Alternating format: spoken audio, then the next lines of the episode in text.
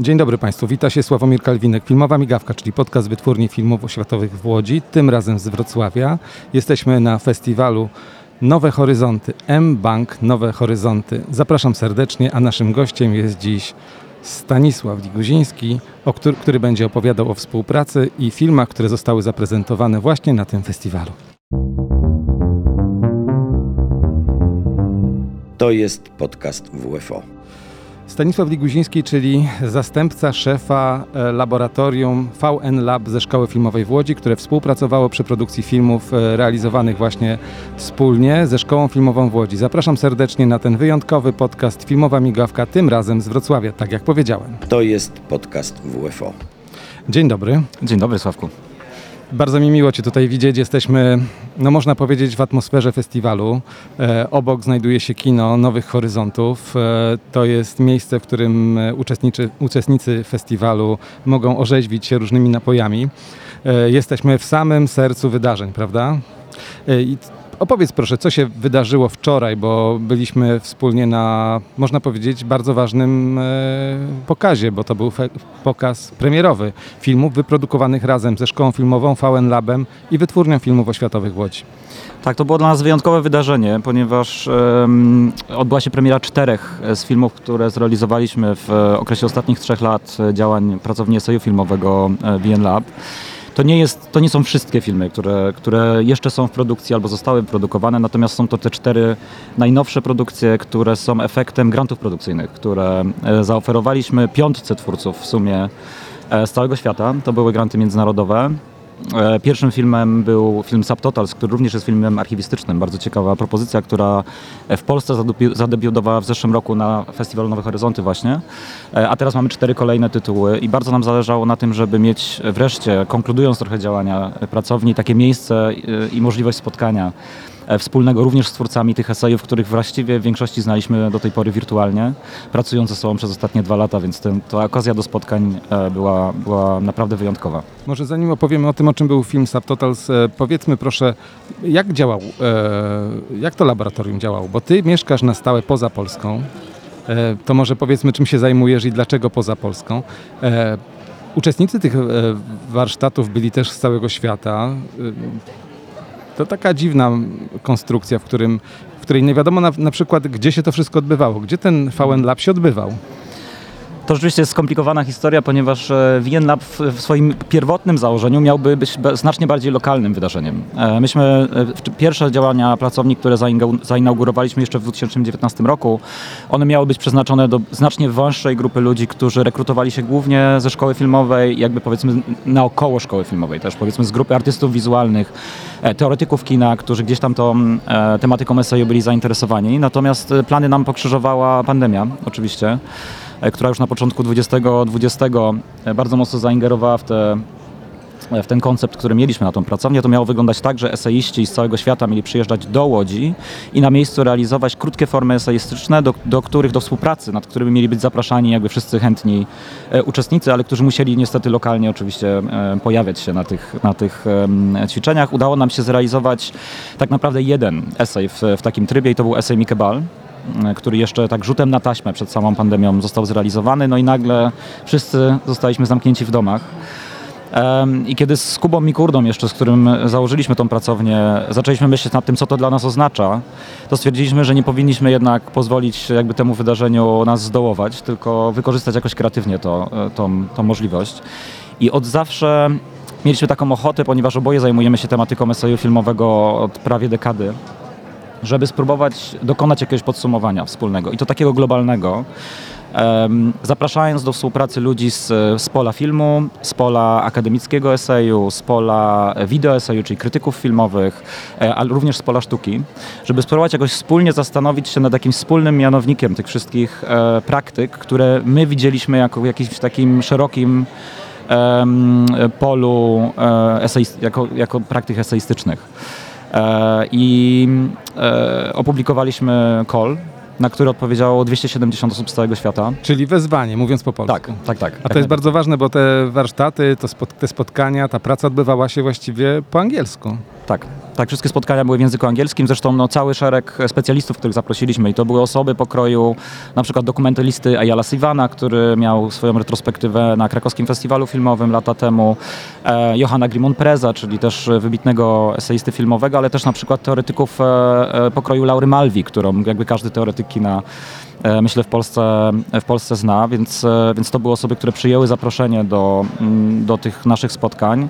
To były wykańczające, długie, ośmiogodzinne seminaria i myślę, że tylko w okresie pandemicznym coś takiego było możliwe. Ludzie na przykład w Los Angeles zaczynali to seminarium o drugiej w nocy, a kończyło się ono o, dzies- o 10 nad ranem i jakoś wszyscy wszyscy z dużym zaangażowaniem e, jakby w te, w te działania e, wsiąkali.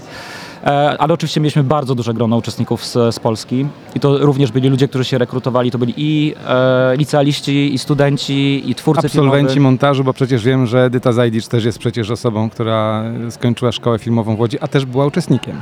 Jak najbardziej, mało tego, montażystów było bardzo e, dużo, dlatego że mi się wydaje, że ta rama eseju filmowego jest czymś bardzo emancypującym dla montażysty. A teraz uwaga, powiemy czym jest esej filmowy, bo to chyba jest najważniejsze pytanie. To znaczy wiemy, że rozmawiamy o esejach, ale tak naprawdę do końca nie wiemy o czym. Wczoraj jak pamiętam rozmowę z gośćmi premiery, to pytanie to padło kilka razy i do końca właściwie nie wiadomo czym jest ten rzeczony esej filmowy. Czym jest esej?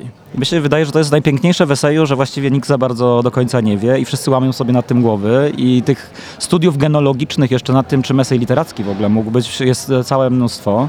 Roma Sendyka napisała taką piękną książkę na temat eseju, której konkluzją jest właśnie to, że jest to nieheteronormatywny, nieheteronomiczny em, em, znaczy heteronomiczny, czyli nie, nie homogeniczny gatunek, który rzeczywiście trudno jest e, określić e, jednoznacznie w takich gatunkowych e, ramach, dlatego że etymologicznie, ujmując rzecz, jeszcze patrząc na jakby od Michela de Montaigne, esej to jest po prostu próba. I ta, Próba, próba wytłumaczenia czegoś, na przykład. Tak. Próba ekspresji własnej osobowości, próba wypowiedzenia się. Dokładnie. I, jakby, I ten aspekt poszukiwań dla nas i jakby sposób zadawania pytań, to jest dla nas coś, co jest kluczowe dla eseju. I to w jakiej formie on ostatecznie e, e, się pojawi, jak, jak, jaka będzie ta forma ukończona e, eseju, jakby jest dla nas trochę drugorzędne. Ważny jest dla nas sposób zadawania pytań i istotne jest to, że dla nas esej nie jest metodą ekspresji, ale metodą poszukiwań. E, Czyli to nie jest po prostu tak, że mamy już jakiś koncept ułożony w głowie, mamy gotowy scenariusz i, i po prostu w formie eseistycznej go rea- realizujemy. Nie, po prostu mamy jakiś rodzaj zagadnienia, jakiś rodzaj pytania i to i w odpo- w, poszukując odpowiedzi na to pytanie, angażujemy środki, em, różnego rodzaju środki, w naszym wypadku środki filmowe. Czyli jest to rodzaj badania tak naprawdę. Jak najbardziej. Dla mnie to jest po prostu inherentnie e, praktyka badawcza, praktyka eseistyczna. I wczoraj były pokazane cztery filmy, które są efektem pracy e, właśnie VN Labu oraz Wytwórni Filmów Oświatowych w Łodzi. Co to były za filmy? Tak, to był bardzo zróżnicowany zestaw i to też potwierdza znowu jakby te, tą różnicę, te, te problemy z jakimś takim genealogicznym przedstawieniem eseju. Pierwszy z prezentowanych filmów to była e, krótka rozmowa między e, bratem a siostrą. E, To był film zrealizowany przez e, dwójkę twórców, e, którzy na co dzień mieszkają głównie w Holandii, natomiast pochodzą, ich, ich rodzina pochodzi z Bośni. To jest taka rodzina patchworkowa, która po- posługuje się też jakby całym naręczem języków. I również ta, ta, to rodzeństwo poszło, obie osoby poszły w kierunkach artystycznych, ale w bardzo różnych kierunkach. Stefan jest twórcą dokumentalnym, który lubi być blisko człowieka, lubi pracować z ludźmi, lubi pracować z emocjami. Natomiast Temra jest artystką wizualną, która lubi pracować z abstrakcją, lubi pracować e, z metaforą, lubi pracować z obrazem. E, I ten film jest e, próbą zmierzenia się z, z, wspomnieniami z dzieciństwa, która jest katalizowana przez materiały, które oni wspólnie nagrywali na wakacjach z ojcem, jak byli, jak byli znacznie młodsi. I teraz swoimi środkami filmowymi, tymi zróżnicowanymi, tymi pochodzącymi z praktyki dokumentalnej i z praktyki wideoartowej, próbują jakby wspólnie się porozumieć na, na płaszczyźnie montażu na temat tego, jak, jak te wspomnienia się różnią w, w przypadku jednej i drugiej osoby i znaleźć jakiś wspólny mianownik dla tych wspomnień. Czy można powiedzieć, że to jest film, który mówi o pamięci? Pamięci, która jest między innymi zawarta w nagraniach wideo, w starych taśmach, e, nie wiem czy to są VHS-y, prawdopodobnie mini DV, bo nawet e, ta materia filmowa jest często podkreślana w postaci takiej pikselizacji, specyficznego przewijania albo porównania materiału zmontowanego i niezmontowanego. Dla mnie to był esej, czyli rozmyślanie o tym, czym jest pamięć. Pamięć, która jest zawarta w wideogramach. Tak, jak najbardziej to jest, to jest e, masz absolutną rację, to jest film o, o procesach pamięciowych. Mi się wydaje, że on porusza też taką ciekawą kwestię, że zazwyczaj mamy taką tendencję do myślenia o tym, że wspomnienie jest czymś plastycznym, czyli wspomnienie się zmienia również z wiekiem, e, w, w trakcie tego, jak jest przywoływane, w jakich kontekstach jest przywoływane i to jakby koloryzuje w jakiś sposób to, to wspomnienie. I mamy często może takie poczucie, że, że film czy fotografia jest mo, może czymś bardziej obiektywnym. I wydaje mi się, że ten film też trochę dowodzi, że to też nie do końca jest prawda, że owszem, jakby jest coś, co jest zarejestrowane i to jest, to jest uwięzione, to jest jakaś kapsuła czasu, ale również jakby sposób, w jaki na to patrzymy, perspektywa, z jakiej na to patrzymy, y, też koloryzuje w jakiś sposób y, to, to nagranie. Czyli tak naprawdę nie wiemy, czym jest prawda. Już tak e, abstrahując od wszystkich innych rzeczy, ten film był o prawdzie w jakimś sensie, czyli tak naprawdę o istocie filmu dokumentalnego. Myślę, że to jest, to jest bardzo ciekawe, e, ciekawa kategoria, którą można by do tego filmu zastosować, bo mi się wydaje, że on nie do końca jakby też zaprzecza temu, że jakakolwiek prawda istnieje, tylko bardziej podchodzi do tego, że prawda jest procesem. I jakby tam jest stawka tego, że, że jednak pewnego rodzaju zgoda na temat tego, co się wydarzyło, jest istotna, bo jest to jednak, jest to jednak jakieś podłoże relacji pomiędzy bratem i siostrą, którzy próbują coś przepracować. Czyli to nie jest do końca też tak, że oni, są, oni się zgadzają na to, że te wspomnienia się kompletnie rozchodzą, tylko, tylko rzeczywiście zadają sobie trud przepracowania tych, e, tych obrazów wspólnie do tego, żeby dojść do jakiejś, e, nawet jeśli konkluzją będzie to, że, że mogą się różnić jakby w, w podejściu do pewnych rzeczy, to żeby jakoś z tą przeszłością sobie poradzić i ją, i ją przepracować. Kolejny film był zrealizowany przez Chinkę, Chinkę, e, która siedziała w pokoju przez rok, jeżeli się nie mylę. To jest, e, to jest skomplikowana sytuacja, jeśli chodzi o, o e, narodowość e, Elisy, ponieważ Elisa, jest, Elisa urodziła się w Indonezji. Jedno z jej rodziców było z Indonezji, drugie z Singapuru. Potem wyprowadziła się do Malezji, potem do Singapuru i ostatnie 10 lat spędziła w Hongkongu, więc jakby ona również, znowu mamy sytuację jakiejś e, takiej mieszanki tożsamościowej. Być może jest coś, jest coś w tym, że twórcy, którzy mają jakby jakieś takie patchworkowe tożsamości do takich patchworkowych form filmowych. e, Może po, może po prostu mają refleksję związaną z samym sobą, z tożsamością, w ogóle z, z funkcjonowaniem, z byciem. I, I montowaniem, że to jest jednak zadanie montażowe pewnego rodzaju również e, ta, ta tożsamość. To bardzo ciekawe, bardzo ciekawe ujęcie tematu. W każdym razie to jest, e, to jest dwójka e, reżyserów. Jest rzeczywiście Elisa i jest Sing. Oni są oboje członkami kolektywu, który nazywa się bodajże 320. Em, oni pracują nad wieloma projektami wspólnie. Natomiast jak wiemy dzisiaj branża filmowa w Hongkongu jakby otrzymała bardzo wielki cios, również ma ogromne problemy z cenzurą. Właściwie kino artystyczne i kino dokumentalne nie ma szans na finansowanie dzisiaj w, w Hongkongu. Może warto powiedzieć dlaczego. Co się stało takiego?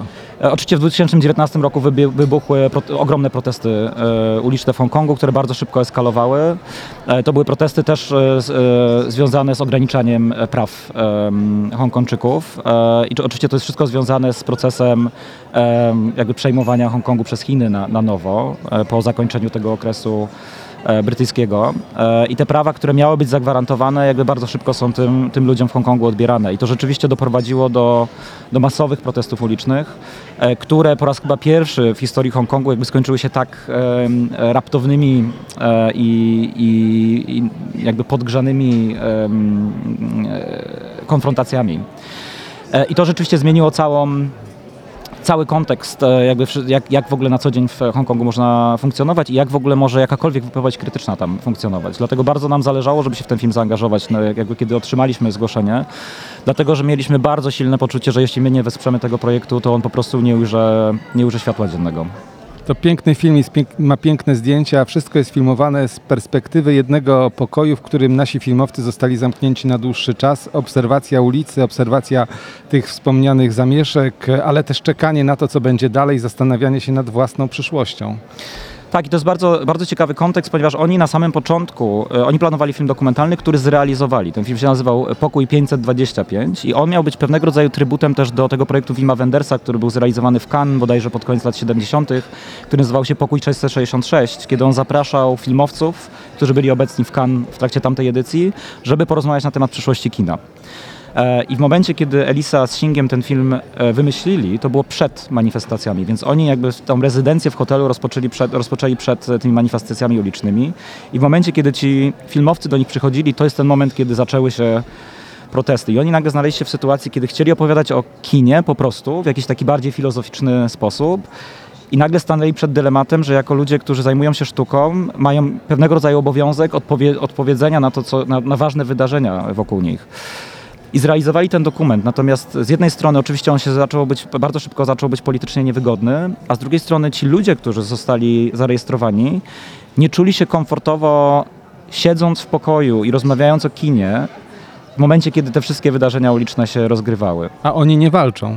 Tak. Mimo, że walczyli, no ale oczywiście kino ma taką, no, jakby taką moc sugestii, że, że mogłoby wyjść, że jakby oni w tym, w tym czasie e, toczą jakieś filozoficzne dyskusje na temat przyszłości kina. I kiedy Elisa zgłosiła się do nas e, z projektem, e, już po tym, jak ten, jak ten film został zatrzymany, ten dokument, e, bardzo nas to ucieszyło, ponieważ ona, myśmy chcieli stworzyć taką przestrzeń, która będzie pomagać właśnie twórcom e, i, i, i tworzyła, będzie tworzyć im warunki do poszukiwań. E, I ona, miała, ona bardzo chciała wrócić do tego materiału i znaleźć w nim coś, co pozwoli jej przepracować to doświadczenie razem z jego gorzką konkluzją też, e, która była konkluzją na temat roli, roli filmowców, ale też jakby roli filmowców, którzy zostają zakneblowani jakby jak to wpływa na ich jakiekolwiek poczucie tożsamości. I ten film jest wielkim filmem o bezsilności trochę w, w, w obliczu tych wszystkich wydarzeń, ale wydaje mi się, że opowiadając o, o tej bezsilności, e, mimo wszystko jakby e, jest dowodem na to, że, że po prostu, że, że, że ma to nies- niesamowitą siłę i moc, że, że, ta, że ta, ta, ta bezsilność jest tak naprawdę najlepszym wyrazem i najlepszym podsumowaniem tych wszystkich wydarzeń, które niestety nie doprowadziły do żadnego przełomu. Te protesty uliczne po prostu zostały zduszone. No i teraz jakby przyszłość kina hongkongskiego stoi pod wielkim znakiem zapytania. My za chwileczkę wrócimy do naszej rozmowy, ale póki to się stanie, zapraszam Państwa do krótkiej informacji o tym, gdzie możecie słuchać naszych podcastów.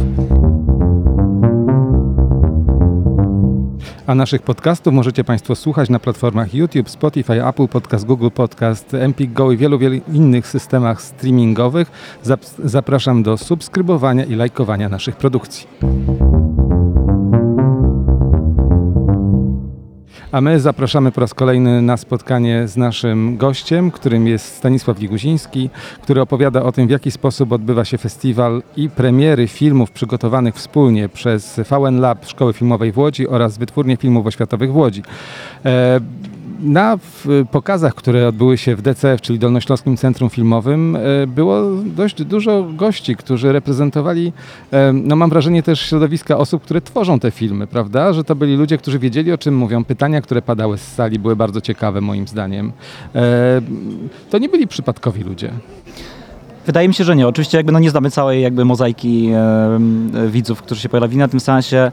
Natomiast e, we Wrocławiu przed festiwalem odbywało się forum o przyszłości kina i o przyszłości festiwali filmowych. Dlatego było dużo kuratorów też e, z e, różnych europejskich festiwali i część z nich e, e, rozpoznałem na sali, więc na pewno byli ludzie, ludzie z różnych miejsc w Europie, którzy kinem się na co dzień zajmują, również kinem eksperymentalnym. Byli oczywiście twórcy. E, No i oprócz tego e, krytycy filmowi, których również udało mi się rozpoznać, e, no ale też, też mam nadzieję, że oczywiście publiczność festiwalowa, która trafiła na nasz pokaz. Opowiedzieliśmy sobie już o dwóch filmach, które zostały pokazane, ale to nie wszystkie przecież, które miały swoją premierę właśnie na festiwalu e, Nowe Horyzonty, M-Bank Nowe Horyzonty we Wrocławiu, który to festiwal jest jednym z najważniejszych festiwali, szczególnie jeżeli chodzi o to artystowskie, art, ar- artystyczne, arthouse'owe kino, e, nie tylko w Polsce, ale i w Europie, prawda? Jakie filmy jeszcze były pokazane w ramach pokazu? Em, Pokazaliśmy jeszcze film Anny Baumgart, e, nowy film oczywiście wybitnej polskiej artystki wizualnej em, pod tytułem Wanda, który był bardzo ciekawą pozycją w tym zestawie, ponieważ właściwie w, w całym przekroju wszystkich projektów, które powstają w pracowni, to jest właściwie jedyny film, który tak mocno przyjmuje taką fabularną em, formułę. Mimo, że ma, e, jest oparty na e, wydarzeniach, które miały miejsce faktycznie w Polsce. Zaraz po II wojnie światowej doszło do wielkiej tragedii, zginęły dziewczyny. 15?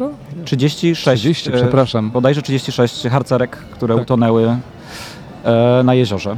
E, Do dzisiaj jakby nie, nie wiadomo do końca dlaczego i co, co się stało. Bodajże trójka opiekunów również jakby utonęła, utonęła z nimi. Ja e, troszeczkę tą, te, te, tym tematem się interesowałem. Między innymi powstał scenariusz, e, pomysł na film, który nie został nigdy zrealizowany, wymyślony, napisany przez Jacka Koprowicza. To jest wykładowca ze Szkoły Filmowej w Łodzi. To jest jeden z jego obsesyjnych tematów, który powraca e, w różnych odsłonach. E, To jest taka, to jest taka historia podobna do pikniku pod e, wiszącą skałą na przykład, prawda? Dziewczyny piękne, młode, niewinne giną. Nie wiadomo właściwie dlaczego. Myślę, że to piękne porównanie, jakby bardzo dobry kontekst e, piknik pod wiszącą skałą. E, I, e, I myślę, że sposób, w jaki bardzo byłbym ciekaw, że jakby chciałbym przeczytać kiedyś ten, ten scenariusz, jeśli rzeczywiście jest gdzieś dostępny. E, Myślę, że film Jacka Koprowicza również byłby bardzo interesujący. Jego zainteresowanie mistyfikacją i, e, i tajemnicą myślę, że jakby też by pięknie zagrało. Natomiast Anna Baumgart poszła w zupełnie innym kierunku. Rzeczywiście bliżej jest do, do Petera Weira. Em, ale też ona wplata w ten film bardzo dużo takich współczesnych kontekstów e, feministycznych, hydrofeministycznych em, i trochę to nie jest film o śmierci, to jest bardzo ciekawe, że, że oczywiście jest to ogromna tragedia, gdzie, gdzie umiera bardzo dużo osób, ale ona właściwie opowiada, opowiada o młodości, opowiada o nadziei, opowiada o kobiecości, o siostrzeństwie, em, o jakimś rodzaju zabawy, który jest związany z dojrzewaniem, ale też o rytuałach przejścia. No właśnie, bo to jest śmierć, która nie jest śmiercią tak naprawdę, tylko kontynuacja tej, tego istnienia jest gdzieś w wodzie, w materii poza materia, takiej poza, nie wiem, rzeczywistej, w jakiejś transcendencji, nie umiem tego powiedzieć. Tak, zresztą tytuł filmu był trybutem dla, dla filmu e, Temersonów e, i e, wpleciony jest jakby cały kontekst legendy o Wandzie. Księżniczce, która, która rzuciła się w nurty Wisły. Natomiast to, co Anna Baumgart wyciąga z tej legendy Wandy, to nie jest oczywiście ten kontekst również jakby śmierci, jakiegoś e, sprzeciwu, jakby oczywiście to, to, to małżeństwo, które tam miało się wydarzyć. Jakby ona bardziej to, to interpretuje w taki sposób, że tam doszło do jakiejś przemiany, że to zanurzenie się w wodzie, to, to utonięcie jest tak naprawdę jakimś, e, jakimś rytuałem przejścia, em, który pozwala jakby gdzieś tam wyjść po jakiejś drugiej stronie e, odmienionym. Em, i, myślę, że ta, ta perspektywa jest zupełnie e, wyjątkowa i, i te wszystkie słowiańskie wątki, które są też w, w, mitologiczne, które ten film w, w taki dosyć subtelny sposób też wplata w, w tą opowieść. Zresztą bardzo piękny film, wizualnie zapraszamy do zobaczenia. A teraz przejdźmy do Opus Magnum i tak naprawdę naszego udziału, czyli udziału Wytwórni Filmów Oświatowych w Łodzi, czyli filmu, e, który został wyreżyserowany przez Tomasza Węgorzewskiego, filmu Non-Duality. To jest film, który ma w sobie e, no jest po prostu złożony z materiałów archiwalnych z Wytwórni Filmów Oświatowych w Łodzi. E, to też bardzo ciekawa propozycja i bardzo ciekawe przyjęcie uważam. Absolutnie. Jest to e, oczywiście, jak- jak, wiesz, Sławku, jest to oczywiście współpraca, która się rozwija od, od dłuższego czasu na różnych płaszczyznach, ponieważ wspólnie re, realizowaliśmy warsztaty, e, również w NCKF-ie, ale, mm, ale też jakby cała grupa badawcza, która powstała przy pracowni, do, jakby pracowała z materiałami archiwalnymi właśnie z WFO. E, I w tej grupie byliśmy w stanie zobaczyć całe ogromne spektrum możliwości, które, które tak, takie archiwum tworzy i jak, jak bardzo wiele, bardzo różnych e, treści może, może powstać przy użyciu archiwum. Oczywiście publiczność e, festiwalu Millennium Docs mogła już zobaczyć pierwszy z filmów, który miał swoją premierę, czyli em, e, Solaris Mon Amour Kuby Mikurdy, który również jest efektem tej współpracy. E, Teraz była, była e, premiera drugiego z tych filmów, czyli Non-Duality właśnie Tomka Węgorzewskiego. E, I ciągle jeszcze są projekty, które być może ujrzą światło dzienne, które są rezultatem em, badań w tej grupie archiwalnej.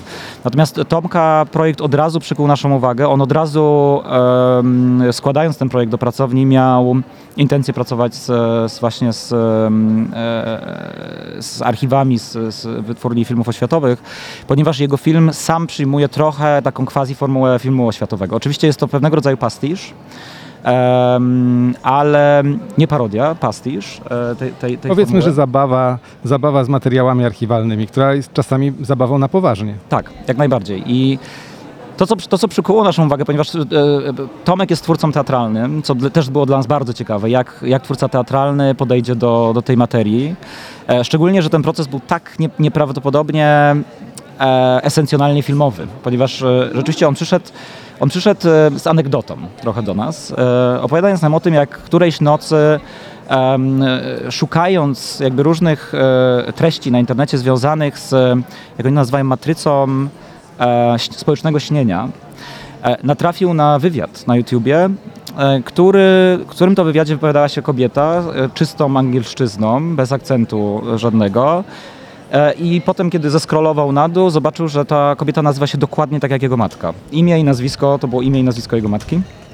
E, Więc odezwał się do swojej mamy, jakby próbując znaleźć, co to, co to jest za osoba, i dowiedział się, że istnieje ciotka w Londynie, która jest psycholożką, e, z którą mama też od dłuższego czasu nie miała kontaktu, którą jak nagle się okazało, która jak nagle się okazało, zajmuje się właśnie materią, którą e, Tomek w tamtym czasie zgłębiał. I Przypadek? Nie sądzę. jakby no, do, do, często do, dochodzi do takich dziwnych e, zderzeń po prostu cząsteczek e, w naszym życiu. Natomiast e, Tomek jak, jakoś tak e, no, obsesyjnie zaczął szukać pomysłu na to, jak doprowadzić do tego spotkania i żeby to nie było takie spotkanie po prostu e, tutaj, nie wiem, siostrzeniec po latach spotyka członka rodziny, ponieważ jakby tym, co w ogóle doprowadziło do tego, do tego spotkania, już było zainteresowanie pewną materią, pewnym tematem. Em, I wymyślił sobie, żeby to zrobić po prostu na gruncie filmu. E, I to nie na, nie na zasadzie po prostu spotkamy się i nakręcimy, jakby po prostu jak tutaj e, wpadamy sobie w objęcia, tylko nie, jakby zaangażujmy się w pewnego rodzaju dialog e, i jakby ta koncepcja nie, nie, jakby nie binarności, którą on tutaj porusza, to nie chodzi jakby tutaj o niebinarność płciową, chodzi o, o niebinarność w ogóle w, pod, w podejściu do rzeczywistości i jakby dzielenia, e, dzielenia rzeczywistości tak na dwie skrajności. Prawda, fałsz. Dokładnie. E, jasne, ciemne. Absolutnie. I jakby i dla niego już nawet to, że, że nagle znajduje się osoba, która nazywa się dokładnie tak jak matka, jest było jakimś absolutnie surrealistycznym wstępem w to wszystko. Więc e, wymyślili, że, że wykorzystają e, te materiały e, archiwalne jako, kata, jako rodzaj katalizatora właśnie dla tego spotkania, ale też spróbują je zderzać w taki sposób, żeby one e, rozbijały tą, e, tą taką binarną e, ramę jakby pojęciową, w, których, w której mamy tendencję e, funkcjonować. I, I to jest bardzo ciekawe, bo to jest film, który spotkałem się z wieloma e, takimi opiniami widzów po seansie, którzy mówili, no do pewnego momentu bardzo walczyliśmy z tym, żeby ten dyskurs e, jakby w tym filmie zrozumieć, on tam jest bardzo gęsto w tej rozmowie. Natomiast w pewnym momencie zaczynasz się orientować, że to jest pewnego rodzaju zabawa też, że to nie chodzi o to do końca, żeby, żeby No to... właśnie, bo ja słyszałem takie opinie z kolei, że nie wiem o czym jest ten film. Ja go w ogóle nie rozumiem. Uważam, że to jest bez sensu, że to jest marnowanie publicznych pieniędzy na rozmowy e, pseudointelektualne o rzeczach, które tak naprawdę nie muszą być tłumaczone, nikt ich nie chce znać. Po co to wszystko? A jak to jest? O czym jest ten film? Mi się wydaje, że to jest piękny film o spotkaniu. Em, I to jest piękny film o spotkaniu na bardzo wielu poziomach. Oczywiście na, na tym najbardziej prostym poziomie, czyli spotkaniu Tomka z, z ciotką. Natomiast jest to też e, w ogóle o, o kontakcie publiczności z obrazem. Ta, ta matryca tego społecznego śnienia, o której oni tam rozmawiają, która oczywiście to jest rozwijane teoretycznie tam, ale mi się wydaje, że tam bardziej chodzi trochę o, o tembr tego głosu, o, o jego kadencję. Em, Który to jest bardziej wiersz niż e, wykład e, naukowy? moim zdaniem absolutnie i to jest pewnego rodzaju wiersz, który, który wykorzystuje formułę kina, która ma moc gdzieś tam jakby spajania publiczności i wytwarzania jakiegoś rodzaju takiego zbiorowego snu właśnie i myślę, mi się wydaje, że ten film właśnie próbuje aktywizować tego rodzaju tryb odbiorczy, w którym jakby wspólnie e, wspólnie jesteśmy świadkami, nie świadkami, jesteśmy e, obiektami jakiegoś seansu hipnotycznego. Em, i, I właśnie on, on gubi tropy, jakby myli nas troszkę. Oczywiście Tomek dokręcił też część materiałów e, w Londynie, które są wystylizowane w taki sposób, że bardzo ładnie się z tymi materiałami em, z tytułami filmów oświatowych spajają. Więc ma się poczucie jakiegoś takiego po prostu dziwnego snu, który łączy trochę prywatne z publicznym, prywatne przeżycie z, em, z publicznym archiwum i opowiada jedno przez drugie, co mi się wydaje jest bardzo, gdzieś bardzo pięknym doświadczeniem. W pewnym momencie myślę, że trzeba porzucić e, też chęć, znaczy nie trzeba, ale myślę, że można e, też porzucić chęć po prostu zrozumienia jakby wszystkiego, co, e, co pada w, w tej warstwie dialogowej. Zresztą jakby oczywiście jest piękna puenta też na samym końcu, która, w której też e, twórcy jakby dystansują się, się odrobinę od e, em, Bardzo wyrafinowanych, filozoficznych, intelektualnych dyskursów, dyskusji, które prowadzą. jak najbardziej. A teraz jedno pytanie. Jaki będzie dalszy los tych filmów? Mówię to w kontekście takim, że Wytwórnia Filmów Oświatowych od jakiegoś czasu, i to wcale nie jest zarzut, realizuje takie filmy, które mają bardzo utylitarny charakter, są różnego rodzaju materiałami robionymi na zlecenie na przykład Wojewódzkiego Funduszu Ochrony Środowiska, opisującymi piękno przyrody województwa wo- łódz- łódzkiego. Realizujemy filmy historyczne, realizujemy filmy, które mają taki ściśle, ściśle utylitarny, praktyczny charakter. A tymczasem rozmawiamy o filmach, które są e, bardzo wysublimowane, e, very sophisticated, jak to się mówi po niepolsku. I e, krótko mówiąc, e, e, dla wielu e, osób e, no, są pewnego rodzaju problemem. To znaczy tak, e, po co to wszystko robić? Ja wiem, że plany, które się- wiążą z tymi filmami są bardzo dalekosiężne, prawda? I że e, te filmy wykraczają poza takie rozumienie filmu jako czysto utylitarnego, takiego użytkowego e, przekazu informacji czy też e, treści, prawda? Co będzie się działo z tymi filmami? Jak najbardziej, por- poruszyłeś bardzo, bardzo wiele tematów. Em, Jak zaczynając od samego początku, mi się wydaje, że film jest, e, jest medium, jest bardzo pięknym medium e, myślenia, formułowania myśli, e, dowodzenia rzeczy, prowadzenia badań. Ja sam jakby zaczęliśmy od tego, i jakby nigdy nie rozwinęliśmy tego, tego zagadnienia, dlaczego znalazłem się w Amsterdamie. Ja w Amsterdamie koordynuję działania badawcze w Amsterdamskiej Akademii Filmowej. I tam jakby byłem jestem sam absolwentem tego kierunku, w którym również wykład, na którym również wykładam, który się nazywa em, Artistic Research in and through Cinema. Czyli to jest jakby e, badania artystyczne w i poprzez film. Czyli jakby cały kurs dotyczy tego, jak używać środków filmowych do badania różnego rodzaju aspektów naszej rzeczywistości.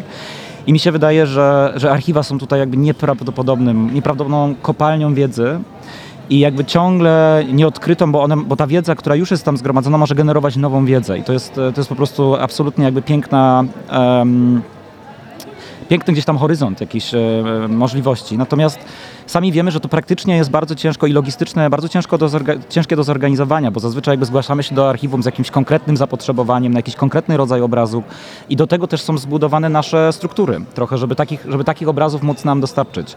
I teraz to, co było myślę bardzo wartościowe w ogóle w całym założeniu e, pracowni, żebyśmy się starali w ogóle zadać sobie pytanie, jakiego, jakiego miejsca musimy, jakiego rodzaju miejsca musimy tworzyć, jakiego rodzaju pracowni albo laby możemy tworzyć, żeby spróbować uzyskać inny dostęp do tego typu na przykład narzędzi. Jakby w jaki sposób na przykład em, móc współpracować z instytucją taką jak, e, jak WFO, żeby móc zrobić coś, czego sama instytucja nie jest w stanie zrobić i instytucja mogła zrobić dla nas coś, czego my byśmy bez tej instytucji e, nie byli w stanie e, zrobić. Pełna synergia, to znaczy pomagamy sobie, wspomagamy się i otwieramy nowe horyzonty, których sami byśmy nawet nie zauważyli. Nie mówiąc o tym, że nie doszlibyśmy nigdy do punktu, który jest znany na przykład tutaj ludziom z WN Labu, z Tobie jako wykładowcy z Amsterdamu i wielu innym ludziom, którzy z całego świata przyjechali, żeby realizować ten projekt, prawda? Absolutnie. Jakby, I też na przykład takie pytanie, bo my jesteśmy też przyzwyczajeni do tego, że w archiwach i archiwy, archiwa e, przeglądają archiwiści albo dokumentaliści, a jakbyśmy sobie zadali pytanie, co jeśli archiwa zaczną przeglądać artyści? Jakby, co jeśli zaczną nam pomagać, pomagać i również swoją na przykład e, pracą twórczą katalogować, albo jakby zauważać pewne konteksty, których może nie byliśmy wcześniej świadomi. Więc dla mnie ta, ta współpraca jest, jest nieprawdopodobnie em, tutaj ciekawa. I oczywiście te produkty, które powstają, tak jak sam mówisz, one nie, nie mają takiego utylitarnego charakteru. Natomiast one już wcześniej, tego typu filmy, mają swoje kanały dystrybucji które są bardzo mocno skodyfikowane dyscyplinarnie, ponieważ jakby wszyscy ci twórcy, którzy pracowali z nami, oni przychodzą z bardzo różnych pól. Oni przychodzą z pola filmu, oni przychodzą z pola teatru, oni przychodzą z pola e, sztuk wizualnych i jakby jeśli popatrzymy na, na wideoart polski, to właściwie artyści od bardzo dawna, Bogna Burska na przykład, robili takie formy e, eseistyczne. Oczywiście found footage, e, cała tradycja found footage dla mnie jakby jest, jest po prostu jak najbardziej esencjonalnie praktyką eseistyczną, więc te, te obiegi istnieją. Natomiast my byśmy chcieli trochę sprowokować festiwale do, do dyskusji i zaprosić festiwale również do dyskusji, żeby z nami trochę porozmawiać, jakie jest dzisiaj miejsce eseju, żeby tego eseju trochę nie gettoizować też w tych, w tych poprzednich nurtach, tylko żeby się na przykład dzisiaj w ogóle zastanowić, czy w, czy w momencie, kiedy mamy serwisy streamingowe i wychodzi coraz więcej treści, które są między na przykład 30 a 40 minut, oglądamy wszyscy seriale. Ja się cały czas mierzę na przykład z tym, że młodzi ludzie nie bardzo na przykład rozumieją kategorię krótkiego, krótkometrażowego filmu. My jakby jesteśmy oczywiście do tego przywiązani, że krótkometrażowy film to jest do 30 minut, jakby potem mamy średni metraż, potem mamy drugi metraż. Oni mówią, no nie, content to jest content, jakby to jest dla nas jakby już coraz bardziej rozmyte. I jakby chcielibyśmy trochę sprowokować też, też tymi filmami taką dyskusję, czy na przykład to, że festiwale dokumentalne często jakby nie mają kategorii na przykład dla filmów 40-minutowych czy 50-minutowych. Czy to jeszcze dzisiaj ma sens? Jakby, czy, czy w ogóle jakby przywiązywanie się do takich rzeczy, gdzie na przykład dokument telewizyjny dawniej miał te 50 czy 55 minut, czy to dzisiaj w ogóle jeszcze ma jakiś jakiś sens e, i, i gdzie te filmy pozycjonować, bo my jesteśmy strasznie też przywiązani ciągle do tej kategorii fabuły i dokumentu. A to jest coś, co esej bardzo radykalnie gdzieś em, e, przekonfigurowuje, bo, bo dla mnie, dla, esej dla mnie, jeśli mielibyśmy w ogóle go w tych kategoriach e, e, formułować, to jest dla mnie dokument rozwoju myśli. Czyli on może, on może przyjmować jakiekolwiek formy fabularne, tak jak już powiedzieliśmy sobie o Wandzie, natomiast jest, jesteśmy zaproszeni do śledzenia jakiegoś procesu myślenia i refleksji e, twórcy czy artysty.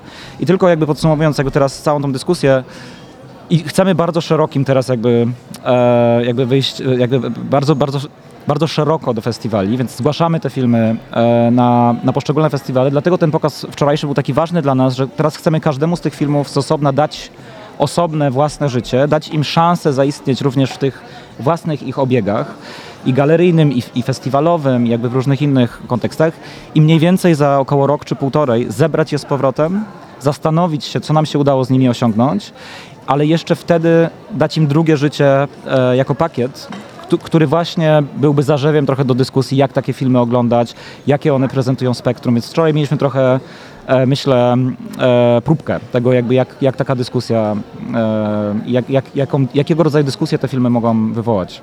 A dla mnie jako reprezentanta wytwórni filmów oświatowych te, też bardzo ważne jest to, że wytwórnia filmów oświatowych trafia na salony, trafiamy do, na bardzo ważne festiwale, takie jak ten, na którym jesteśmy, czyli Nowe Horyzonty. Tu mi przed momentem mówiłeś, że będą też próby e, pokazania filmów w ramach najważniejszego chyba film, e, festiwalu filmów dokumentalnych, czyli ITFA.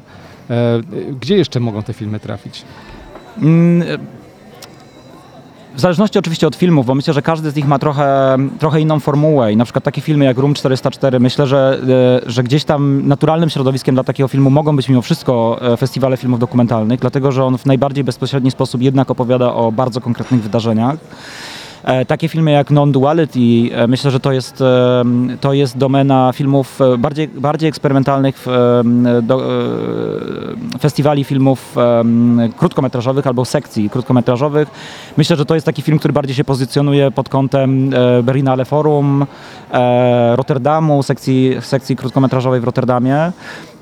Są takie festiwale, które są też bardzo bliskie naszemu, naszemu sercu, na które niestety było już za późno, na przykład w tym roku, jak Fit Marseille. E, To jest festiwal, który jako jeden z pierwszych na całym świecie zapromował takie radykalne zniesienie rozróżnienia na fabułę i dokument. To był festiwal filmów dokumentalnych wcześniej, który powiedział nie, będziemy opowiadać o rzeczywistości i to, czy robimy to środkami aktorskimi, czy, czy, czy stricte dokumentalnymi nie jest dla nas e, e, istotne. I na przykład to są festiwale, które znoszą rozróżnienie. Na Fit Marseille nie ma rozróżnienia między kategorią krótkometrażową i długometrażową. Wszystkie filmy występują w tym samym konkursie.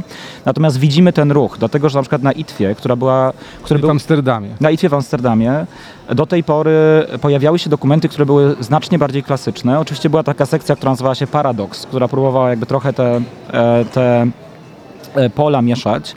Natomiast dzisiaj widzimy, że ITFA powołała dwa lata temu nowy konkurs, e, który jest konkursem, który przejmuje filmy od e, 30 minut wzwyż i już w ogóle nie, nie, nie wprowadza już po, po, powyżej 30 nie wprowadza już żadnego rozróżnienia. To może być film 35-minutowy, a może to być 14-godzinny dokument Wang Binga, e, jak to się odbywa na festiwalu Mbank e, Nowe Horyzonty.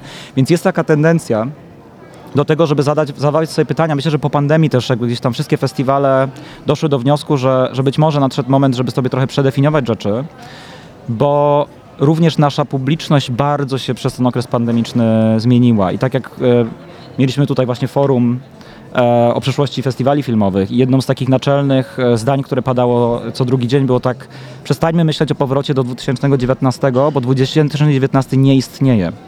Więc nie powinniśmy nawet sobie dawać tych samych celów, jeśli chodzi o liczbę widowni czy coś tam. Powinniśmy się zastanowić, jakby, jaka jest nasza rola dzisiaj, jako festiwali na przykład, jako studiów produkcyjnych, jako badaczy kina, jako praktyków kina, e, bo wydaje mi się, że, że kino w takiej formule, w jakiej je znamy, E, oczywiście jakby nie będę tutaj mówił, że, że umiera, czy odchodzi, coś tam, on dalej będzie istnieć, ale być może e, jakby nie, nie będzie to już dominujący jakiś paradygmat, że ten paradygmat się trochę jednak zmienia i, i ewoluuje.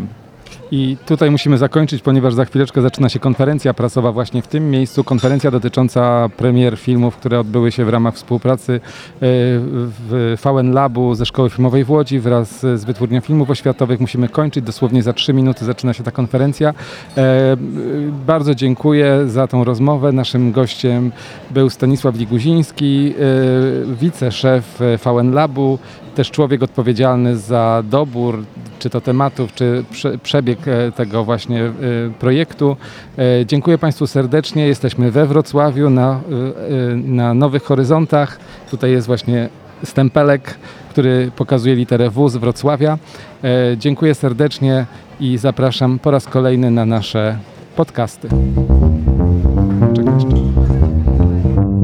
To był podcast Filmowa Migawka.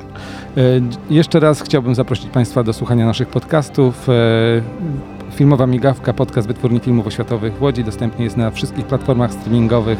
Zapraszam serdecznie. Za tydzień następny odcinek e, naszych, naszych tutaj rozmów, które dotyczą głównie praktycznego realizowania filmów w ramach Wytwórni Filmów Oświatowych w Łodzi. Zapraszam serdecznie. Sławomir Kalwinek, żegnam się i zapraszam za tydzień. To był podcast Filmowa Migawka.